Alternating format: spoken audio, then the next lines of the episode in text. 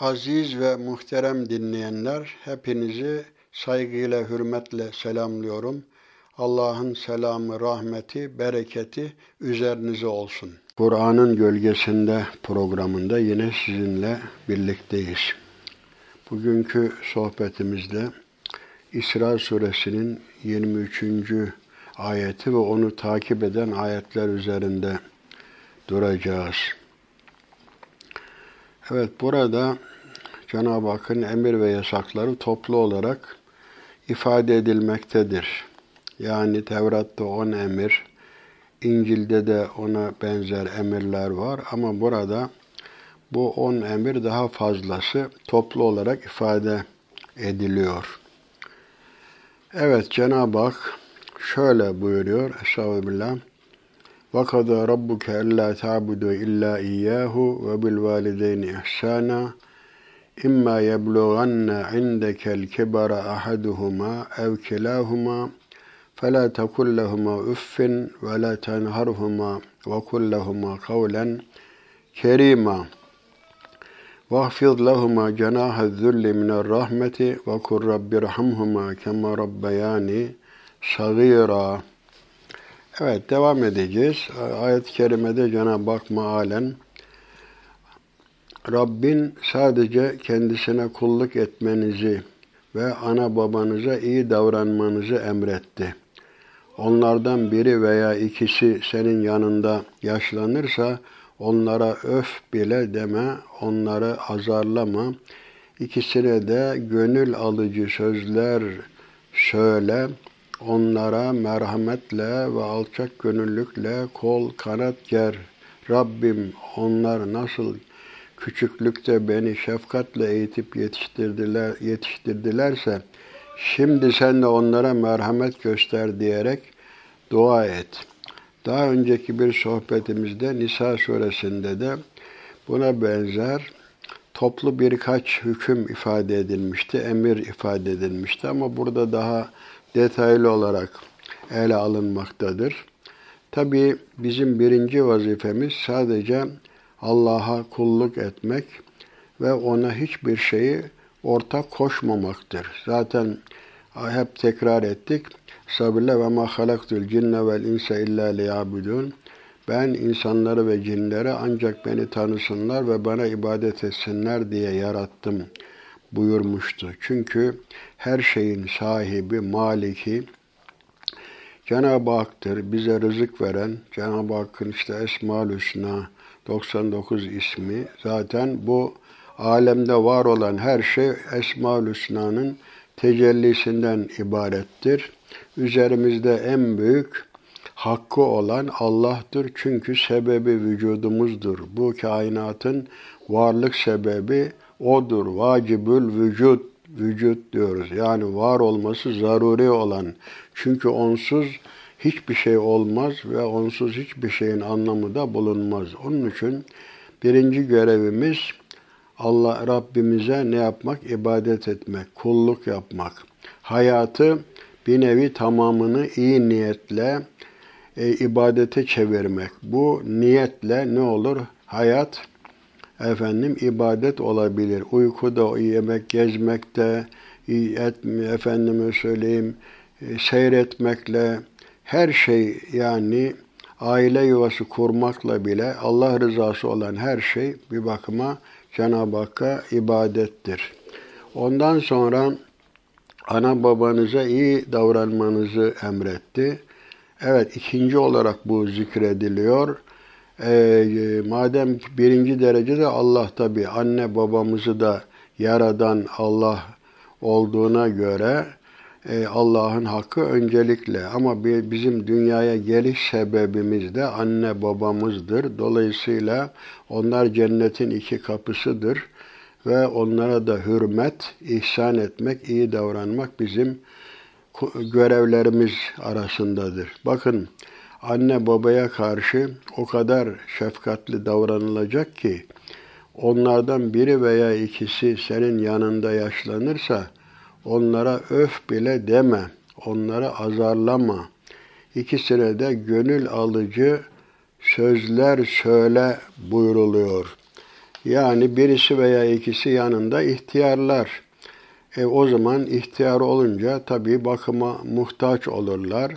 Onlar nasıl biz çocukken bakıma muhtaç idik. Efendim onlar bizim altımızı temizlediler. Annemiz karnında taşıdı, doyurdular. Efendim yemediler, yedirdiler, giymediler, giydirdiler, uykularını terk ettiler, hayatlarını verdiler. Öyleyse onlar yaşlanınca biz de onlara aynı şekilde davranmamız, onları himaye etmemiz gerekir. Birisi veya ikisi bizim yanımızda ihtiyarlarsa tabii onlara bırakın azarlamak, öf bile yani bir usanma ifadesi, bezginlik ifadesi efendim ne sözle ne de jestle böyle yüz ekşitmek tarzında bile bunu efendim onlara karşı göstermeyeceğiz. Onlara azarlamayacağız. Onlara güzel söz söyleyeceğiz. Çünkü onların hakkı üzerimizde, hele annenin hakkı. Ee, hani birisi ya Resulallah ben en fazla kime karşı iyilik yapmakla yükümlüyüm deyince Efendimiz ne buyurmuş? Annene, sonra kime? Yine annene, sonra yine annene, dördüncü olarak babana buyurmuş. Evet, şimdi birisi e, annesini sırtına almış, Kabe'nin işte tavaf ettirirken Resulullah görmüş. Demiş ki ya Resulullah bak ben annemi sırtımda taşıyorum. Hakkını ödeyebildim mi? Cenab-ı Peygamber demiş ki la vallahi hayır sen onun seni doğururken bir ahına bile bedel değildir senin bu yaptığın iş. Onun için hani derler biz annenin karnındayken kanını e, doğduğumuz zaman canını öldükten sonra da malını yermiş evlat. Onun için biz onlara ne yapacağız? Daima yanımızda bir hadis-i şerif var. Bu e, Peygamber Efendimizin üç basamaklı bir minberi varmış.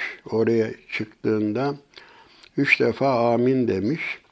Sonra ashab sormuş ya Resulallah sen kime amin dedin biz anlayamadık.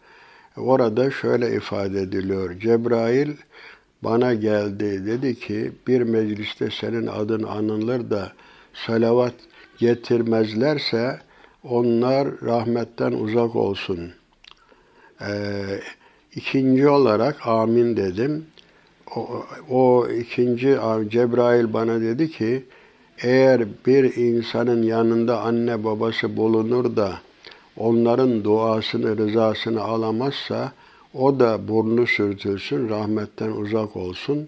Üçüncüsü de bir insan Ramazan'a kavuşur da kendini affettirip cennete giremez, cennetlik olamazsa ona da yazıklar olsun buyurmuş. Onun için e, cennet annelerin ayakları altında onların rızasına bağlıdır.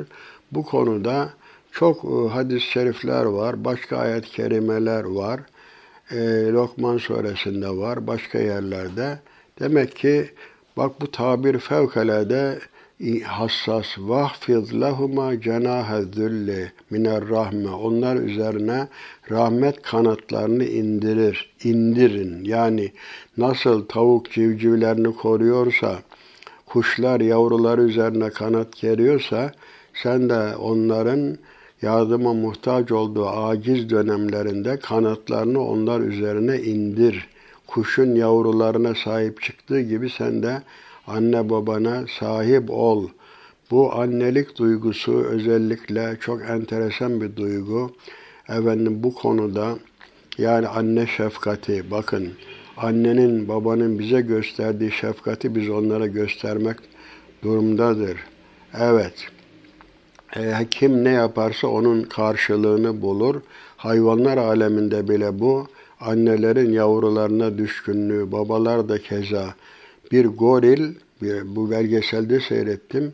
Yavrusu ölmüş, bir hafta kucağında taşıyor ölüsünü, elinden alamıyorlar. Hatta şöyle enteresan bir şey duymuştum. Maalesef bizim memlekette kötü bir adet var. İşte tarlalar, buğdaylar biçildikten sonra anız yakmak diye bir tabir var. Ateşe veriyorlar. İşte o yanarken bir keklik orada işte yumurtlamış, yavruları çıkmış.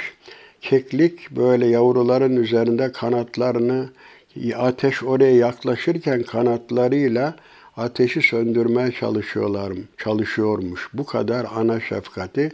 Biz de onlara aynı şekilde onlar çocukken nasıl bizim üzerimize titredilerse biz de onlar üzerinde titrememiz lazım ve onlara dua etmemiz lazım. Ya Rabbi onlar bizi nasıl e, eğittilerse, terbiye ettilerse e, şimdi sen de onlara merhamet eyle. Yalnız burada şöyle bir husus e, çok önemli. Burada bakın küçükken bizi nasıl terbiye ettilerse demek ki anne babaya düşen de burada çocuğa iyi bir terbiye vermesidir. Bir defa helalla beslemesi lazım, iyi bir isim vermesi lazım. İşte ona hakkı, batılı, haram, helalı öğretmesi, iyi yetiştirdiği zaman hani kim kötü evlat yetiştirirse e, evladı da ona karşı herhalde iyi davranmaz. Hani Hazreti Ömer'e birisi gelmiş oğlundan şikayetçi şikayet ediyormuş. O da çağırmış oğlunu. Sen demiş niye babanı itaat etmiyorsun? E, ya emiral müminin demiş. O bana bana şeyini bana karşı görevini yapmadı. Bana iyi bir anne seçmedi. Ben iyi bir eğitim vermedi, güzel bir isim vermedi filan diye şikayette bulunmuş. Bunlar karşılıklıdır. Efendim devamında ve rabbukum alemu bima fi nufusikum in tekunu salihine fe innehu kana lil evvabine gafura. Evet 25. ayette Rabbiniz kalplerinizdekini en iyi bilendir. Eğer iyi olursanız bilesiniz ki Allah kendisine yönelen, yönelenlere bağışlayıcıdır. Yani iyi niyet beslememiz lazım ve özellikle anne babaya gönüllü hizmet etmemiz lazım. Bak burada hatırıma geldi. Yani yaşlandıkları zaman onları böyle evden uzaklaştırmak hani e, özel durumlar olabilir, mecburi haller olabilir. Darul Aceze'ye, düşkünler yurduna verilebilir ama buna gerek olmadan anne babayı evden uzaklaştırmamak, daima onlara hizmet edip dualarını almak en büyük kazançtır. Bu Vahidüddin Han'ın İslam'ın İslam meydan okuyor. El İslamu Yetehatta diye bir kitabında görmüştüm. Orada Doktor Adolf diye birisi anlatıyor. Şimdi o doktor işte anlatıyor e, bu ortopedi doktoruymuş. Yaşlı bir kadın kalça işte kırığı varmış. Hastanede uzun müddet kalmış. Sonra tedavi olmuş. Tam hastaneden çıkacağı sırada oğluyla gelin gelmiş. Ee, oğlu demiş ki anne demiş şimdi biz hanımla konuştuk. Seni eve değil de e, yaşlılar yurduna verelim diye düşündük. Böyle karar aldık diye söyleyince annesi o kadar üzülmüş ki o gece üzüntüsünden ölmüş. Bunu anlatan doktor diyor ki e, bu kadın diyor kırılmış olan kalça kemiğinden dolayı değil, çocuğunun gelininin kendisine söylediği o gönül kırıcı, yani kemik kırılmasından değil, gönül kırılmasından dolayı öldü diye böyle bir şey hatırıma geldi. Onları daima kol kanat germek bizim görevimizdir. Evet eden bulur. Anne baba bedduası alanlar hayatta ıslah olmuyor. İki yakaları bir araya gelmiyor. Ama anne baba duası alanlar daima huzur içinde yaşıyorlar. Bu konuda doğrusu yeni nesil anne babalarına karşı biraz saygıda kusur ediyorlar. Ben hayatımda hiç unutmadığım, hep hatırladığımda üzüldüğüm bir hadise vardır. Onu sizinle paylaşayım. Ee, bir gün ben İzmir Yüksek İslam Enstitüsü'nde talebeyken Turgutlu'ya geliyorum. Otobüste ön koltukta yaşlı, saçı ağarmış bir doğulu herhalde bir kadıncağız ağlıyor. Ben de dayanamadım. Dedim teyze niye ağlıyorsun? Yavrum dedi ben ağlamayayım da kim ağlasın? Hayrola dedim. Ben dedi İzmir'e geldim. Çocuğu okuttum, evlendirdim. Onları ziyarete geldim. İzmir fuarına çıktık. Bana o fuarda gezerken oğlum ve gelinim dedi ki, anne sen bizi 3-5 adım geriden takip et, ee, sen bize yakışmıyorsun filan. Biz böyle senin halinden utanıyoruz dediler. Oğlum bu nasıl dayanılır? Ben saçımı süpürge yaptım. Bunları hayatımı verdim ve böyle bir şeyle karşılaştım. Böyle şeyler çok kötüdür insana, hele Müslümana hiç yakışmayan şeylerdir. Onlara karşı daima iyi niyet e, besleyeceğiz. E, salih, samimi olacağız. Bu su yararlı iş demek. Amelün salih, amalü salih yararlı işler demektir. Efendim insanlara faydalı işler. Evvabin de Allah'a yönelen, tevbe eden, daima ona iltica eden kullar demektir. Cenab-ı Hak böyle kulları Allah'a ibadet eden, ana babasına hürmet eden, onlara kol kanat getiren, tevbe eden, güzel davranan insanları daima bağışlar ve onlara büyük mükafatlar verir. Daha bu emirler arasında bu devam ediyor 26. ayette. İşte böyle ve atizel kurba hakkahu vel miskine ve ibnes sebil ve la tübezzir tebzira. Evet, bu yakına hakkını ver, yoksula da ver, yolda kalmışlara da ver. Şimdi bunlara biz vebnü sebil bir makale Yolun Çocukları diye bir makale yazmıştım. Bu mültecilerle ilgili. Bunlar tabi zordur. Hani şimdi bugün için normal bir yolcu eski durum gibi değil. Adamın parası var bankada, işte e, kartı var. E, şimdi bu e, yolda olmak biraz fakirlik, zenginlikle ilgili durumu değiştiriyor. Hazreti Ali'nin bir sözü var. El fakru gurbetun fil vatan, el gına vatanun fil gurbe.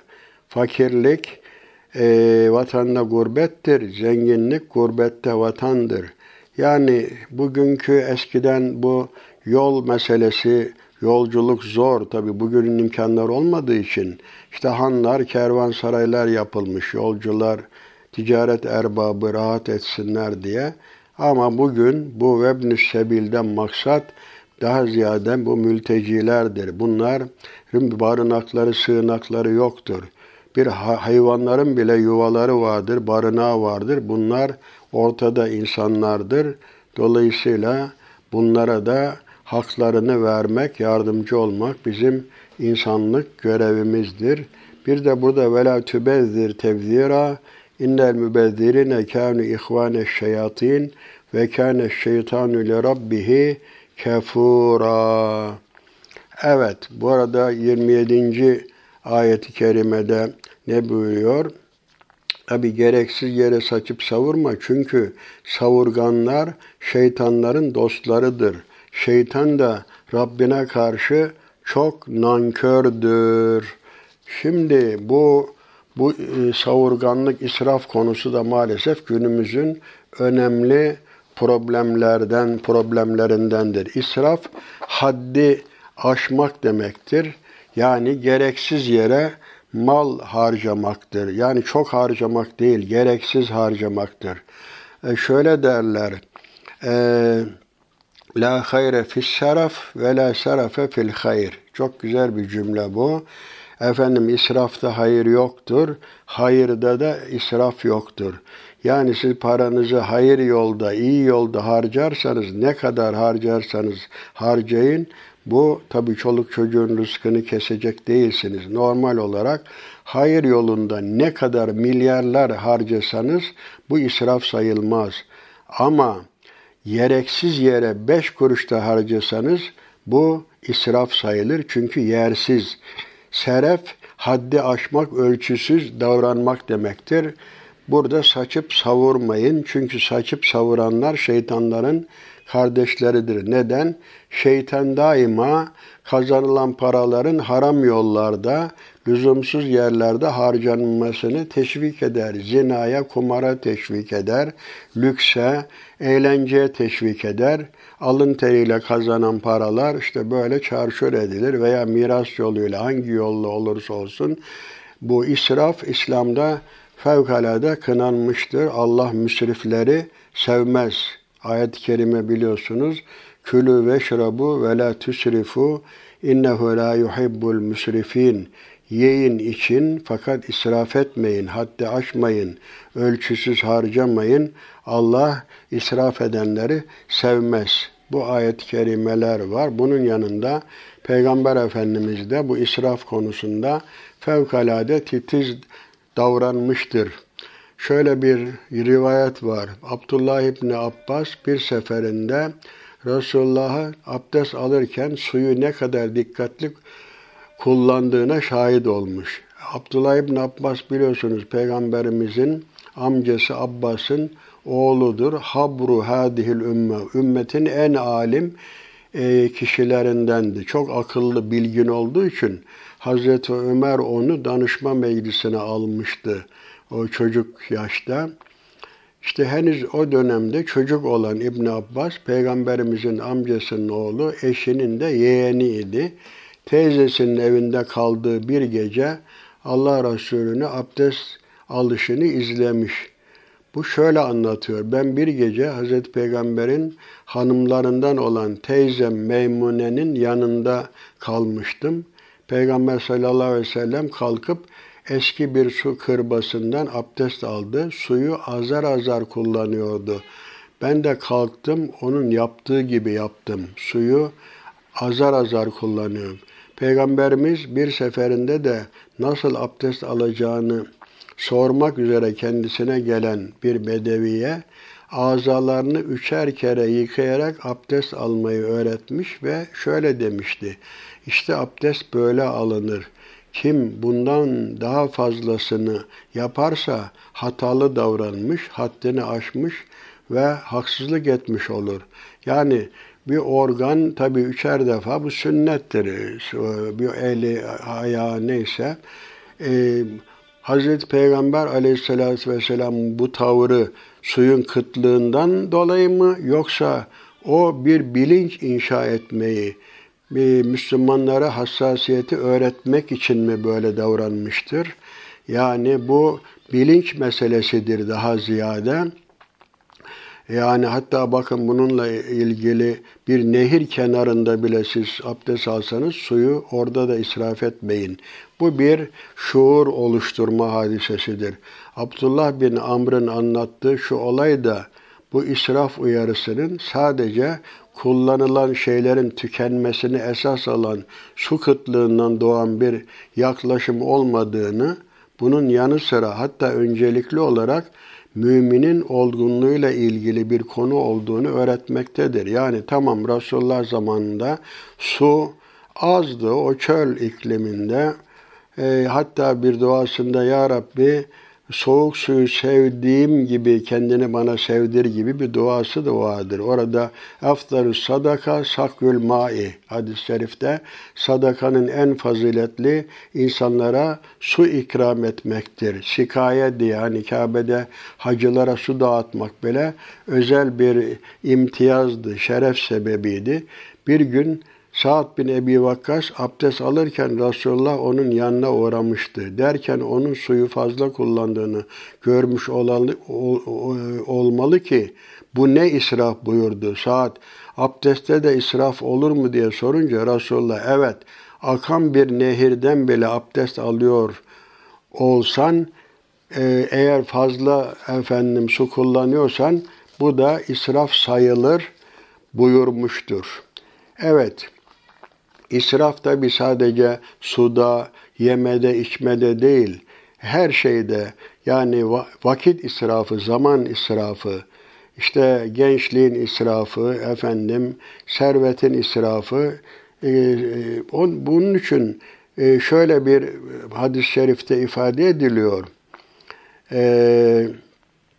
E, e, insanoğlu kıyamet günü beş şeyden hesaba çekilmedikçe yerinden kımıldayamayacaktır. Ömrünü nasıl tükettiğinden, gençliğini nasıl yıprattığından, malını nereden kazanıp nerede harcadığından ve öğrendiği bilgilerle nasıl amel ettiğinden. Demek ki Cenab-ı Hak bize ne yapacak? Soracak. Sen ömrünü israf ettin mi? Değerli mi geçirdin? Zaten bir hadis-i şerifte min husni islamil mer'i terkuhu ma la yani bir insanın Müslümanlığının güzelliği yani iyi Müslüman oluşunun alameti dünyaya ahirete yaramayan faydasız şeylerden uzak durmasıdır. Yani boşa geçecek zaman yok. Nefesler sınırlı, hayat sınırlı. Bu hayatı derler ki el hayatü sa'a fec'alha ta'a. Hayat bir andır, onu ibadetle geçir derler. Ee, bu beş şeyden yani ömrümüzü boşa harcamayacağız. Zamanımızı boşa harcamayacağız. Evet, bu ahirette hesabın asıl konusu israf olacak. O halde maddi manevi insana her ne bahşedilmişse onun israf edilmemesi gerekir. Ne olursa olsun. Bu yüzden Resulullah'ın bir adamı verdiği şu nasihate dikkat kesilelim, kulak verelim.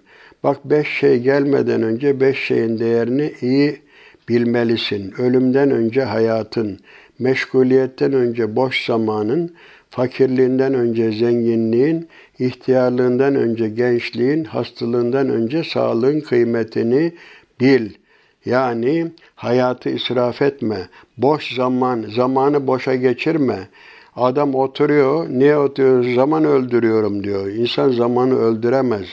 Zaman insanı öldürür. Zaman içinde insan tükenir. Nefes nefes efendim bu insan oturduğu yerde bile mezara doğru yürümektedir. Bunun farkına varmak lazımdır. Tabii bu mal harcarken hani ehem mühim meselesi vardır. Tabii insanın hayatta ihtiyaçları vardır. Gündelik yaşantıdaki harcamalarda israfın ne olduğuna ilişkin bütün toplumlar için geçerli kesin bir tanımlama yapmak zor görünmekte. Mesela Amerika'da israf sayılan bir şey, e, sayılmayan bir şey Afrika'da israf sayılabilir. Hayata dair ihtiyaçlarımız genel olarak üç kısımda ele alınmaktadır. Bunlardan ilki can, nesil, akıl, mal ve dinin korunması yoluyla duyulan zaruri ihtiyaçlar. Buna zaruriyat diyoruz. Bunlar olmazsa hayatın olmazsa olmazlarıdır. İkincisi karşılanmadığında sıkıntıya düştüğümüz genel ihtiyaçlar. Bunlara haciyat denir. Bir de üçüncüsü estetik e, ve güzellik açısından hayatı kolaylaştıran, güzellik güzelleştiren ihtiyaçlar. Bunlara da ne diyoruz? Tahsiniyat deniyor. Tahsiniyat demek ki önce temel ihtiyaçlar karşılanacak. Ondan sonra temel o zaruri olmayan yine ihtiyaç mesabesinde olan ondan sonra işin tabii şey tarafı artık süs tarafı zinet tarafına sıra gelecek. Yani bir insan diyelim ki karnı acıkmış, hani hatırıma geldi ta seneler önce bir hoca efendi kürsüde anlatmıştı. Adam misafirliğe gitmiş, karnı aç, ayak ev sahibi ayakkabılarını boyuyormuş adamın. Yahu demiş bırak şimdi ayakkabıyı benim evvela karnımı doyur. O ayakkabı boyası süs, zinet ondan sonra gelir. Bu ihtiyaç sıralamasına riayet etmeden harcamada bulunmak israf sayıldığı gibi bu ihtiyaçların bir kısmının da kimi zaman israfa varacak boyutlarda karşılanması söz konusu olabilir. Bunlara dikkat etmek lazım. E, hatta bakın Peygamber Efendimiz bu konuda o kadar hassas davranmıştır. Der ki bir evde erkek için bir yatak, hanım için bir yatak olmalıdır. Üçüncüsü de misafir için yani ihtiyaçtan fazla Dördüncüsü ise şeytandır. Peygamber Efendimiz Aleyhisselatü Vesselam bu israf konusunda fevkalade hassas davranmıştır. Bunu ifade ettik. bu yemede, içmede, abdest alırken vesaire. E, hatta bakın bu e, o kadar titiz davranıyor ki Efendimiz şöyle buyuruyor. Birinizin elindeki lokma yere düşerse ondaki toz toprağı gidersin ve onu yesin. Onu şeytana bırakmasın. Yani kapları da e, bulaşıklar bile böyle rastgele şey yapılmaz. Tabağın içinde yemek bırakılmaz. Anam rahmetlinin bir şeyini hiç unutmam. Yemek yer e, yediği zaman kabı parmağıyla böyle etrafını dolandırır. Orada hiçbir şey bırakmazdı. Böyle yıkanmış hale getirirdi. Çünkü e, şimdi biraz insanlar bol refah içinde kolay kazanca ulaşınca maalesef nimete değer vermiyorlar, israfa gidiyorlar. Mesela biz çocukluğumuzda hatırlıyoruz. Ee, şimdi biz şimdi çiftçiydi babamız. İşte orak biçeriz, zor. Onları harmana getiririz, söreriz. Efendim bir ay belki o ekinlerle uğraşırız. Sonra işte onları tınaz derler, toplarız, sonra rüzgar bekleriz, savururuz filan. Ekinler ayrılınca ben hatırlıyorum bu harman yerindeki buğday danelerini teker teker daneleri toplardık zayi olmasın diye. O zaman tabi maalesef şimdi ki gençler özellikle bu nimetin kadrini bilmiyorlar. Kolay kazandıkları için böyle yemek yiyorlar. Ondan sonra ekmekle ağızlarını silip ekmeği çöpe atıyorlar. Bu fevkalade yanlış şeylerdir. Yani israf günümüz dünyasının en büyük problemlerindendir. Çünkü derler ki e, fakirler zenginlerin israfı nispetinde fakirdir. Aslında dünyanın nimetleri herkese yetecek kadar boldur. Ve ma min dabbetin fil ardı illa alallahi rizkuha. Yeryüzünde debelenen, hareket eden her şeyin rızkı Allah'a aittir. Cenab-ı Hak bu alemde yaşayan her canlının rızkını hazır ediyor. Mesela düşünün işte bir yavru çıktığı zaman onun gıdası annenin göğsünde süt olarak hazır oluyor. Bu koyunda, keçide, diğer hayvanlarda bile öyledir. Ama bu dünya imkanlarını çarçur etmemek lazım. Maalesef bugün işitiyoruz. Dünyada üretilen özellikle tahıl, bu şeylerin, gıdaların üçte biri heder ediliyormuş. Yani düşünebiliyor musunuz? Bir taraftan açlıktan ölen insanlar var. Söylendiğine göre dünyada neredeyse 40 milyona yakın insan açlıktan ölüyor diyorlar. E ondan sonra siz gıdaların üçte birini çürütün. E, Türkiye'de bile yani düşünün günde 5 e, milyon, 6 milyon ekmek çöpe gidiyormuş. Bu milyarları buluyor senede bu israf. E bir taraftan çöpten ekmek toplayan insanlar var. Bir taraftan hani akşam ne yiyeceğim diye düşünenler var. Bir de acaba hangi yemeğe gitsem, hangi kebabı yesem, hangi efendim kıyafeti bugün giysem diye düşünenler var. Aç insanlar var. Böyle efendim özel süs köpekleri bekleyip onlara özel berber tutan, onlara pirzola yediren şımarık tipler var. Elbette hayvanları da aç bırakmayacağız. Bizim ecdadımız Osmanlı medeni bir toplumdu. Efendim camilerin şeylerine kuş barınakları, leylekler için, e, kanadı kırık leylekler için bile vakıf kurmuşlardır. E şimdi ama görüyoruz günümüzde kimi yer kimi bakar kıyamet ondan kopar. Onun için böyle e, benim malım fazladır ben istediğim gibi harcarım diye bir şey yok. Allah sana soracak bu malı nereden kazandın, nereye nasıl harcadın diye bunun hesabı sorulacak. Evet helal dairesinde hareket edilecek ama e, ayet-i kerimeyi unutmayacağız. Külü ve şrabu ve la tüsrifu innehu la yuhibbul müsrifin. Yiyin için fakat asla israf etmeyin. Allah israf edenleri sevmez. İsraf haddi aşmak. Mesela innehum kavmun müsrifun onlar haddi aşan bir toplumdu. Böyle ifade ediliyor. Evet, insan tabi her şeyi bugün tüketmemeli. Gelecek nesillerin de e, bizim üzerimizde hakkı vardır. Savurganlığımız maddi imkanlarımızı yok ettiği gibi bizi yarınını düşünmeyen, sorumsuz ve disiplinsiz insanlar haline de getirmektedir. Savurduğumuz şey sadece para bul değil, aynı zamanda yok olup giden emeğimiz, efendim şevkimiz ve geleceğimizdir. Halbuki insan yarınıyla ilgili e, kaygılar besleyen bir varlık olarak da diğer canlılardan ayrılır. Müslümanlarda ise bu kaygılar kişisel değildir.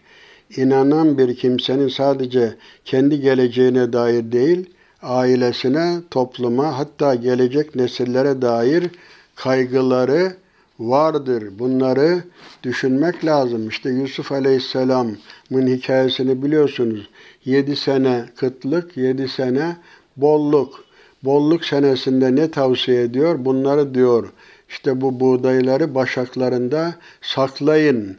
Bir sonra efendim kıtlık senesi gelecek. Ancak tohumluk kadar ayırın. Efendim onları şey yapın, muhafaza edin başaklarında. Onun dediği gibi biliyorsunuz. 7 sene bolluk, ondan sonra tedbir alındığı için son 7 sene arkasından gelen kıtlıkta o biriktirdiklerini ne yapıyorlar? Harcıyorlar. Hatta o dönemde, kıtlık döneminde Yusuf Aleyhisselam'ın kardeşleri biliyorsunuz Mısır'a geliyorlar ve ondan işte hububat vermesi için talepte bulunuyorlar. Bu bir tedbirdir. İnsanlar yarınını e, düşünmek durumundadırlar. E, karıncalar bile bakın böyle çalışırlar ve kış için e, yer altında şeyler böyle e, mahzen gibi yerlere e, gıda depo ederler. E, onun için biz de daima e, ihtiyatlı olmak durumundayız. Saçıp savurmamak durumundayız. Bakın Müslümanın ölçüsü nedir? Hani ayağını yorgana göre uzat diye bir tabir vardır ya. Efendim bu ayağını yorgana göre uzatmak iktisat zaten gelirle gider arasındaki denge demektir. Peygamber Efendimiz Aleyhisselatü Vesselam maale men iktasada iktisat eden, ölçülü hareket eden, ölçülü harcayan fakir olmaz buyuruyor. O, onlar e, ne yapıyorlar? وَالَّذِينَ اِذَا اَنْفَقُوا لَمْ يُسْرِفُوا وَلَمْ يَقْتُرُوا وَكَانَ بَيْنَ ذَٰلِكَ kavama. Onlar harcadıkları zaman ne israf ederler ne de cimrilik yaparlar. İkisinin ortasında dengeli bir harcama yaparlar. Demek ki dengeli harcamak. İsraf da hoş bir şey değil, Müslümana yakışmaz. Cimrilik de hoş bir şey değil. Bütün mesele dengedir. İslam da zaten dengedir. El kasta el kasta tüflihu. Peygamber Efendimiz ne buyurmuş? Siz ölçülü hareket edin ki felaha eresiniz. Yine hadis-i şerifte hayrul umur evsatuha. İşlerin en hayırlısı orta olan, dengeli olandır. Zaten ve kezalike cealnakum ümmeten vasata. Biz sizi böylece dengeli ve ölçülü hareket eden bir ümmet yaptık. Demek ki Müslümanların özelliği nedir?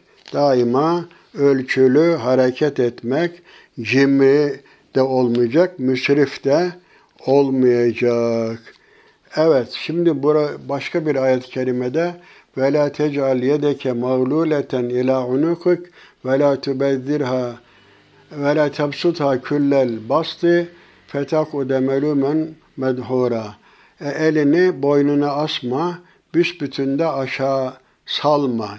Yani bu bir teşbihtir. Elini boynuna asma demek cimri olma. Yani elin biraz cebine de girsin. Sarf etmeyi öğren. E büsbütün de hep böyle elinde cepte olmasın. Savurgan olma. Efendim tabii ne olur sonra e, bugün harcarsın ama yarına bir şey bırakmazsan yarın muhtaç duruma düşersin, e, dilenci duruma düşersin. İnsanlar tabi tevekkül, tabi Allah'a güvenmek ama tedbir de asıldır. Yani zamanımızda maalesef çok lüzumsuz ihtiyaçlar ihdas edildi. Bu vahşi kapitalizm hep tüketimi öncelediği için tabi çok harcanınca çok para kazanılmış oluyor. Mesele çok yani üretmek meselesi değil. Şimdi bugün rahat var, huzur huzur yok, bolluk var ama ne kadar harcasa insanlar maalesef tatmin olmuyorlar. Biz çocukluğumuzda ufak bir şeyle tatmin olurduk.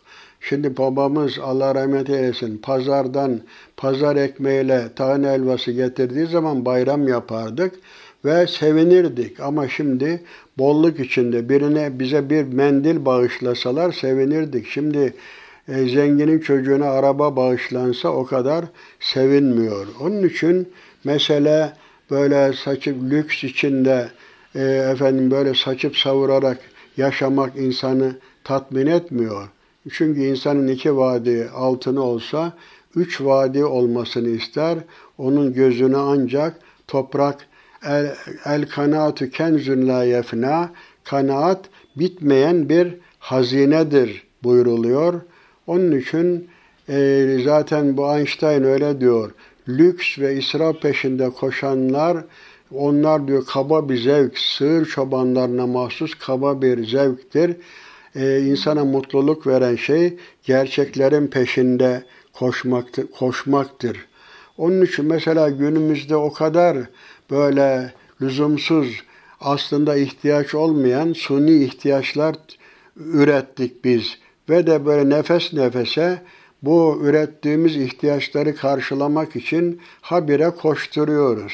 Bugün zannediyorum en az her evde 6-7 tane e, efendim şey fatura ödemek durumunda oluyor.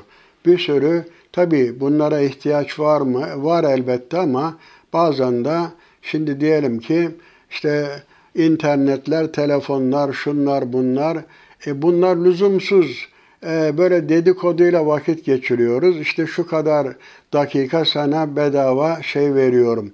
Hani iş adamı olsa Diyelim ki işini takip etmek için oraya para yatırdı ama dedikodu yapmak için sana bedava zaman verse ne olur? Zamanını heder etmiş oluyorsun. Şimdi bu israf her konuda var. Yemede, içmede var. Bilhassa böyle gösteriş var ya bir gösteriş budalası derler. Sonradan görmüş olanlar filan biz bunu bilhassa düğünlerde görüyoruz. Peygamber Efendimiz ne buyuruyor? Hayrun nikahi eyseruhu. Nikahın en hayırlısı, en kolay olanı, sade olanıdır. Şimdi bu düğünlerde o takılan zinetler tamam bir mehir takdir edersin ama böyle zengini var, fakiri var. Eskiden böyle bir insan çarşıdan bir şey aldığı zaman etrafa göstermezmiş, göz hakkı olmasın diye. Şimdi o zaman hani çorbayı çok pişirdiğin zaman suyunu fazla kat komşuya da ver buyurmuş. Göz hakkı diye bir olay vardır. Onun için ölçüsüz davranmamak lazım. Gösterişe lüzum yok. Ben şimdi bu israflar arasında en korkunç israflardan birisi efendim bu düğünlerde ve başka vesilelerle işte bu havai fişekler filan parayı resmen efendim yakıyor. İşte dünya işte Allah korusun bak bu yakınlarda bir şey fabrikası, havai fişek fabrikasında bir patlama oldu. Bir sürü insanlar e, vefat etti. Efendim yani bu bu maalesef bizde de böyle bu düğünlerde vesairede bu havai fişek Avrupa'da da öyle. Ben bir yıl başında efendim bir şeyde bulunmuştum. Bir konferans münasebetiyle e, Avrupa'ya gitmiştim. Emin ol o gece o kadar havai fişek şey yapmışlar ki sabahleyin baktım caddelerde neredeyse böyle şey bu 15-20 santim e, bu patlamış şeylerin kalıntıları vardı. Bunlar lüzumsuz şeylerdir. Yani tekrar edersek israf ölçüsüz hareket etmek, yersiz kullanmaktır. Çok harcamak değil, yersiz harcamaktır. Onun için yani hani onu tekrar edelim. La hayra fis saraf ve la sarafe fil hayr. Hayırda, israfta hayır yoktur. Hayırda da israf yoktur. Eğer bir insan güzel hayır yolunda e, para harcarsa ne kadar harcarsa harcasın bunda bir sıkıntı yok. Ama yersiz harcarsa efendim beş kuruş bile harcasa o ne olur? Efendim israf sayılır. Onun için bu e, ayet-i kerimede hani bu 12 tane burada esastan bahsedilmiş. Özetleyecek olursak işte neydi? Birisi e, sadece Rabbine ibadet edeceksin. Ve kadâ rabbuke ellâ ta'budu illa iyyâ ve bil valideyni ihsâna. Evet, Rabbin sadece kendine, kendisine kulluk e, etmenizi emrediyor. Ana babanıza da iyi davranmanızı emretti. Evet, onlardan biri veya ikisi senin yanında yaşlanırsa onlara öf bile deme, onları azarlama, ikisine de gönül alıcı güzel sözler söyle. Onlara merhametle ve alçak gönüllükle kol kanat ger. Rabbim onlar nasıl küçüklükte beni şefkatle eğitip yetiştirdilerse şimdi sen de onlara merhamet göster e, diyerek dua et buyuruyor. Evet Allah içimizde olanları daha iyi biliyor. Bir de akrabaya, yoksula, yolcuya hakkını ver. Gereksiz yere de saçıp savurma. Çünkü savurganlar şeytanların dostlarıdır. Şeytan da Rabbine karşı e, çok nankördür. Onun için gerçekten bakıyoruz böyle parayı lüzumsuz yerde harcayanlar bir defa helal yoldan kazanılan para helal yerlere gider. Bu genel bir prensiptir. Kolay ve haram yoldan elde edilen kazançla kazançlar da maalesef haram yollara sarf edilmektedir. Şeytan da zaten efendim bizi haram yollara sevk ediyor. İşte bu gösterişler dediğim gibi havai fişekler, böyle limuzinler, şunlar bunlar, böyle yerlerde sürünen o gelin, gelinlikler hep özenti bunlar. Yani bir defa alıyorsun tamam bir insan böyle ömür boyu, ömür boyu demeyeyim de uzun müddet giyebileceği şeyleri alır. Eskiden bin dallı falan bizim gelinlikler öyleydi. Şimdi işte yabancılar işte beyaz gelinlik alıyor. 2 metre, 3 metre arkadan işte sürünüyor falan diye onlara özenerek hayatta ancak bir defa giydiğimiz ondan sonra dolaplarda böyle yer işgal eden ömür boyu işte muhafaza edilen şeyler ve bir de bunlar dünyanın parası veriliyor. Şimdi israf edenlere şunu şu böyle hatırlatmak lazım. Ya bu kadar aç var, sefil var. Akşam ne yiyeceğini düşünenler var. Çöplükten ekmek toplayanlar var. Okuyan fakir talebeler var. Ya bunlara sen bir burs ver, şöyle bir 200 lira ver, 500 lira ver desen esirgiyor. Ama keyfi için, zevki için milyonda, milyonları efendim binleri, yüz binleri bir gecede harcayıp gidiyor. Bunlar insafla bağdaşmaz. Onun için yeryüzünün bugün önemli problemlerinden birisi bu israftır, ölçüsüz harcamadır üretilen şeylerin e, günahtır. Yani siz düşünebiliyor musunuz? Bir ekmek dediğiniz şey evvela tarla sürülüyor. Ondan sonra hele eski zamanda şimdi traktörler eski zamanda kara sapanla pullukla sürülüyor.